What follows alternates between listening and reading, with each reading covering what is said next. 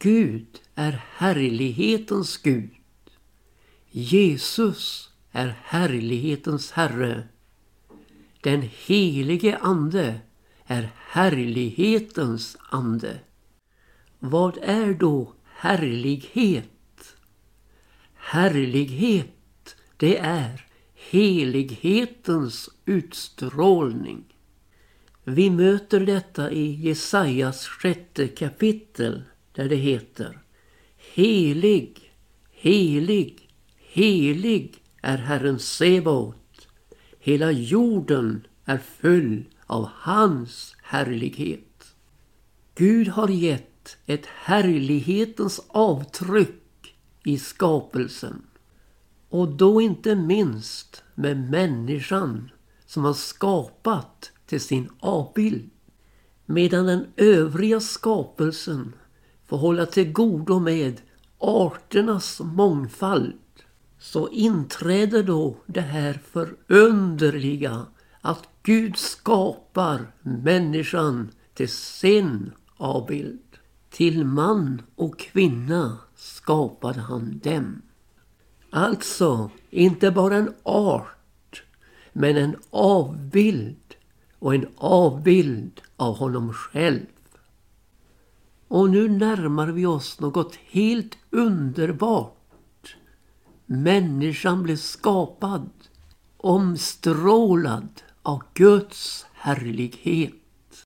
Och när vi sedan möter Adam och Eva i Edens lustgård så heter det om dem att de var båda nakna men blygdes icke för varandra.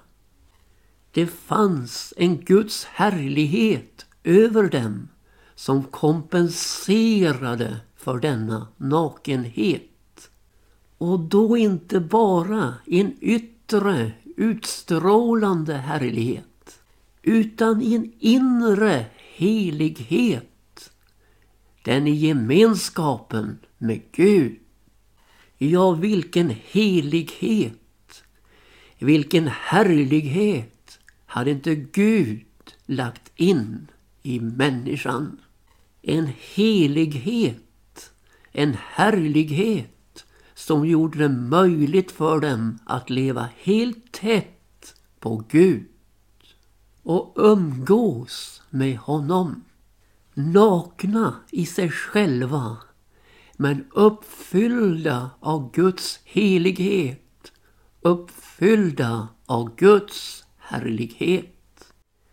Detta förhållande skulle komma att drastiskt förändras i och med syndafallet. Människan miste härligheten från Gud. Och nakenheten var rådande. När den inre heligheten som kom av ett innerligt förhållande till Gud. När detta var brutet, ja då, då gick härligheten förlorad. Ja, vänner, det var synden som berövade oss Guds härlighet. Så det är inte bara en händelse i historien, i urhistorien, utan i högsta grad en verklighet här i nuet.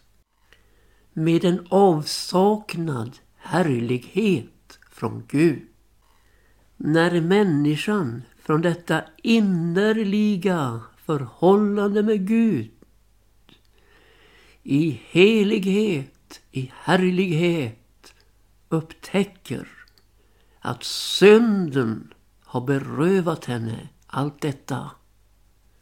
Upptäcker, jag blir varse sin nakenhet.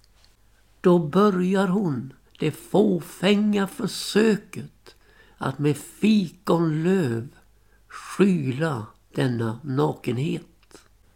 Och jag ser hur de arbetar på denna sin självfrälsning. Genom att fästa ihop fikonlöven och binda dem omkring sig. Och jag anar liksom att de är ganska så nöjda med detta arbete de utfört för att skyla sin nakenhet.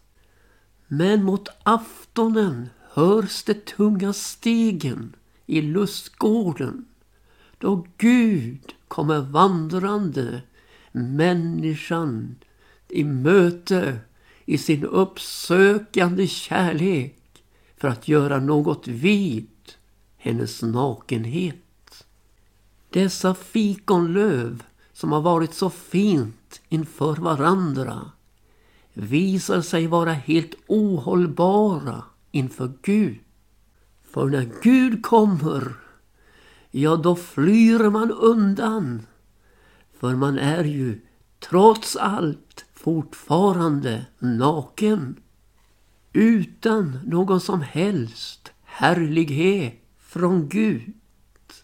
O, oh, hur ohållbara är inte alla dessa våra insatser i självfrälsande syfte inför Gud. Inget håller, inget består. Men så har Gud, härlighetens Gud, ett svar på detta. Ett verk från hans händer. Gud, han kläder människan i skinn. Och så får vi en av de starkaste förebilderna till Jesu försoningsverk på Golgata. För att få till ett skinn så måste ju ett djur offras. Blod måste flyta. O mina vänner, det räckte inte med en extra portion av Guds härlighet till den fallna människan. Utan hon måste försonas med Gud genom Jesu Kristi, Guds sons blod som flöt till försoning för oss. För hur skulle heligheten kunna uppnås på nytt med en inneboende sön? Och hur skulle Guds härlighet framträda i en fläckad klädnad? Stefanus, när han predikar, så talar han om hur härlighetens Gud uppenbarade sig för vår fader Abraham. Vår fader, ja, det fanns ett släktskap. Samma folk, samma fäder. Men vi som tillhör ett annat folk, vad med oss? Jo, det gäller också oss som vandrar i spåren av den tro vår fader Abraham hade. Tron för oss in i ett andligt släktskap med Abraham och upplevelsen av härlighetens Gud. Tänk om Gud hade kommit till oss med ett slätstruket program. Gör det där lite bättre och låt bli det där. Och satsat på vår fallna natur och vi skulle med självfrälsningens omöjlighet lyfta oss själva i håret och bli en bättre människa. Nej, pris för Gud. Han uppenbarade sig som härlighetens Gud och kallade oss ut ur det gamla förtvivlade sammanhanget och gav oss löftena och utstakade trons väg för vår vandring här i tiden mot målet för vår tro, våra själars frälsning. Så härlighetens Gud, han är löftenas Gud med löften som håller i tiden, med löften som håller i evigheten med en härlighet och en helighet från honom själv given åt oss genom Jesus Kristus. Hur skulle nu Gud nå den fallna människan? Hur skulle Gud nå oss? Med sin härlighet, med sin helighet. Jo, det skulle ske genom Jesus Kristus, Guds son. Det bästa som himlen hade. Det bästa som Gud hade. Han skulle utges för våra synder. Skulle ges till pris för vår nakenhet. För vår avsaknad av Guds härlighet. Låt oss nu tala något om Guds härlighet i Kristus Jesus. Han lät sig födas in i vårt släkte genom ett totalt utblottande. Han som var till i Guds skepnad räknade inte jämlikheten med Gud som ett byte utan utblottade sig själv. Han antog tjänareskepnad och kom i människogestalt och befanns i utvärtes motto vara såsom en människa och ödmjukade sig och var lydig intill döden, ja intill döden på korset. Ja, det var om denna utblottelse profeterna hade profeterat. Om det lidande som skulle vederfaras Kristus och den härlighet som därefter skulle följa.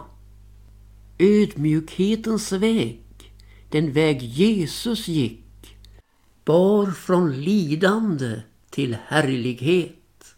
En kostbar härlighet. En härlighet som kostade Jesus allt. Och när vi ser på Jesus, vad är det då vi ser? Vad är det för någon härlighet vi möter? Jo, vi ser hans härlighet, Jesu härlighet, som den infödde sonen har det från Fadern. Full av nåd och sanning. Tänk om denna Guds härlighet i Jesus Kristus hade visat sig för oss i en förtärande eld, i ett förtärande ljus som ingen har kunnat komma nära. Då hade vi alla varit förlorade. Men nu visade sig denna Guds härlighet i nåd och sanning. Ska vi uttrycka det så att när den yttre gudomshärligheten var utblottad så fanns det en inneboende Guds härlighet i Jesus från Fadern som utgjordes av en fullständig uppfyllnad av nåd och sanning. Gud, han ville ha gemenskap med oss. Men hans överväldigande härlighet kunde vi som syndare inte närma oss. Och då blev det att han sände till oss sin enfödde son Jesus Kristus som människoson med en inre fyllnad av Gudoms härlighet, av nåd och sanning. Jesus hade inte kommit för att fördärva människor utan för att frälsa dem. Denna härlighet av nåd och sanning skulle visa sig vara frälsande för oss genom tro på Jesus. Han var inte ute på att slå ner oss, tvärt att lyfta upp oss. Inte att stöta bort oss, men att ta oss i sin famn. Ja, som det rivna fåret tas i hans famn, läggas på hans axlar och bäras på hans mäktiga skuldror. Bort från världens törnesnår och in i försoningens helande. Med en frälsningskraft i hans blod som renar från all synd. Och så vann han åt oss en rättfärdighetsklädnad av sådan kvalitet att den gäller inför Gud. Skinande och rent. Det vita linnet, det heligas rättfärdighet. Ja, det blir ett iklädande av honom själv och hans rättfärdighet. När vi ser på Jesus och hans försoning så möts vi av hans härlighets blickar. Och det sker under i våra liv. Ja, från död till liv. Från mörker till ljus. Den som tagit emot Jesus och hans försoning kommer i ett rätt läge till Gud. I hans inre finns ett ljus som skingrat mörkret. En härlighet från Gud genom Jesus Kristus. För den Gud som sa på skapelsens dag ljus skall bryta fram ur mörkret. Han är den som har låtit ljus uppgå i våra hjärtan för att kunskapen om Guds härlighet som strålar fram i Kristi ansikte ska kunna sprida sitt sken. Alltså möts vi i försoningen av Guds härlighet strålande fram i Jesu ansikte. Och vi möts av hans härlighetsblickar som inte är blickar av fördömelse men av frälsning. Alltså vänder han inte ryggen till åt dig utan ansiktet.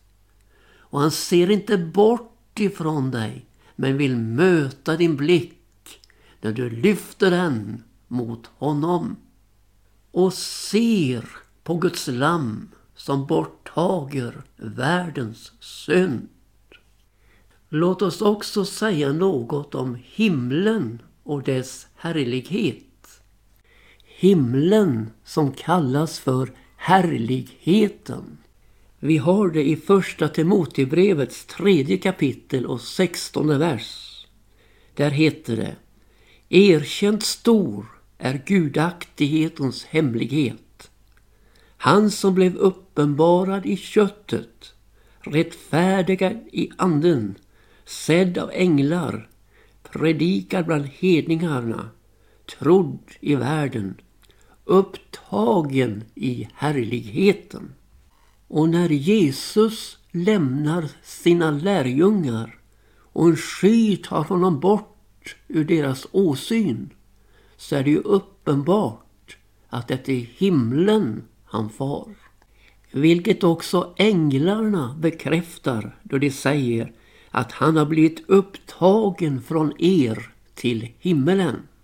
Det är inte ett diffust försvinnande, ett andligt bortskaffande av Jesus. Utan det är ett upptagande till härligheten. Och där uppe i himmelen, där sker förhärligandet av Jesus. När Jesus den sista dagen i högtiden ropar ut att om någon törstar så kom han till mig och dricke. Och så säger han då vidare, den som tror på mig, av hans innersta ska strömmar av levande vatten flyta fram, som skriften säger. Och vidare heter det, detta sa han om anden, vilka de som trodde på honom skulle undfå. Ty ande var då ännu icke given, eftersom Jesus ännu icke har blivit förhärligad. Alltså finns det ett samband mellan Andens utgivande och Jesu förhärligande. Andens utgjutande, helig ande, nedsänd från himmelen, skulle ske från himmelen av en förhärligad Jesus. Vad är det då för någon härlighet i himmelen? Ja, himmelen har ingen egen härlighet. Himmelens härlighet är Guds härlighet. Alltså utstrålningen från Gud själv. Utan Gud skulle själva himlen var mörk. Själva himlen skulle vara svart. Ja, tomhet, ödslighet och mörker skulle råda där uppe. Utan Gud. Men nu upplyser Gud hela himlen med sin härlighet. Gud som är ljus och intet mörker finnes i honom. Han upplyser himlen så pass att han bor i ett ljus dit ingen kan komma. Underförstått utan Jesus. För att närma sig en sådan härlighet behövs en total helighet. Den som endast erbjuds oss i Jesus Kristus. Så finns det en härlighet i himlen som sätter, ska vi säga, kronan på verket. Dess ljus är Lammet. Uppenbarelseboken 21 och 23 säger Staden behöver inte sol eller måne till att lysa där. Till Guds härlighet upplyser den och dess ljus är Lammet. Det är denna överväldigande härlighet som väntar oss efter vandringen här i tiden med Jesus. Vi kommer att känna oss hemma. Vi kommer att känna igen oss med denna härlighet, detta ljus som Lammet utgör. Försoningen har nått sin fulländning och vi står där inför Gud slutfrälsta genom Lammets dyrbara blod med en härlighet och ett ljus som vi aldrig sett här nere. Har du mötts av utstrålningen från Jesu ansikte? Har du mötts av hans härlighetsblickar? Har du upplevt hur ljuset från Guds lamm på Golgata trängt undan mörkret i ditt liv? Ja, då väntar en obeskrivlig härlighet för dig. Ansikte till ansikte, åsyn till åsyn med Jesus. Gud söker dig för att delge dig sin härlighet. Du behöver inte bli en blek kopia av en förlorad värld i mörker. Du kan få stråla av Jesus. Nu ska vi få lyssna till den gripande sången. Jag önskar att se Jesus först av allt. En sång med denna ton att få nå himlen och se Jesus som han är.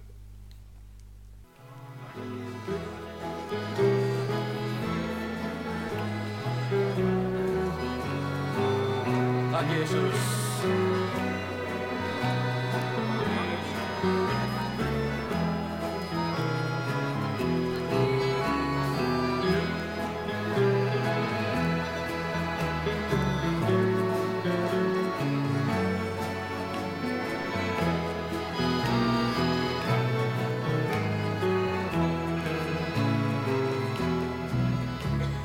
himlen är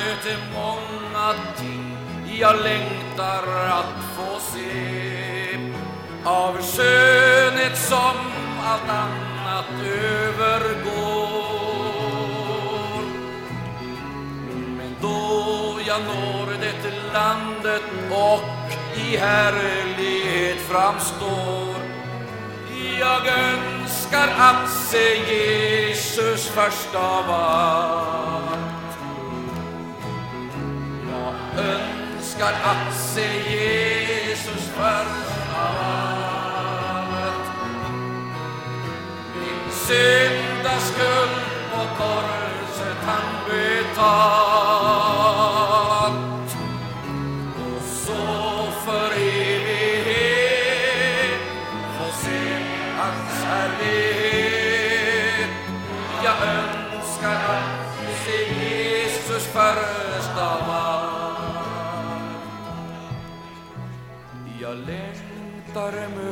Kära som mig väntar på den strand.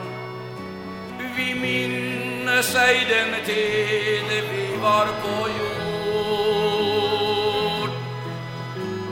Jag längtar möta dem som gått förut till livets land. Men Jesus vill jag möta först av allt.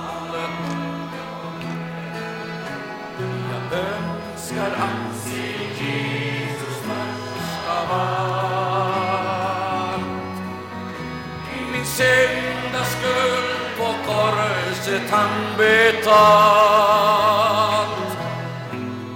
och så för evighet få se hans härlighet. Jag önskar att se Jesus först av allt jag längtar skåda pärlor, portar, gator av rent guld. Jag längtar se min boning lika så. Den nya stad och floden som är klar som ren kristall. Men Jesus vill jag möta först av allt.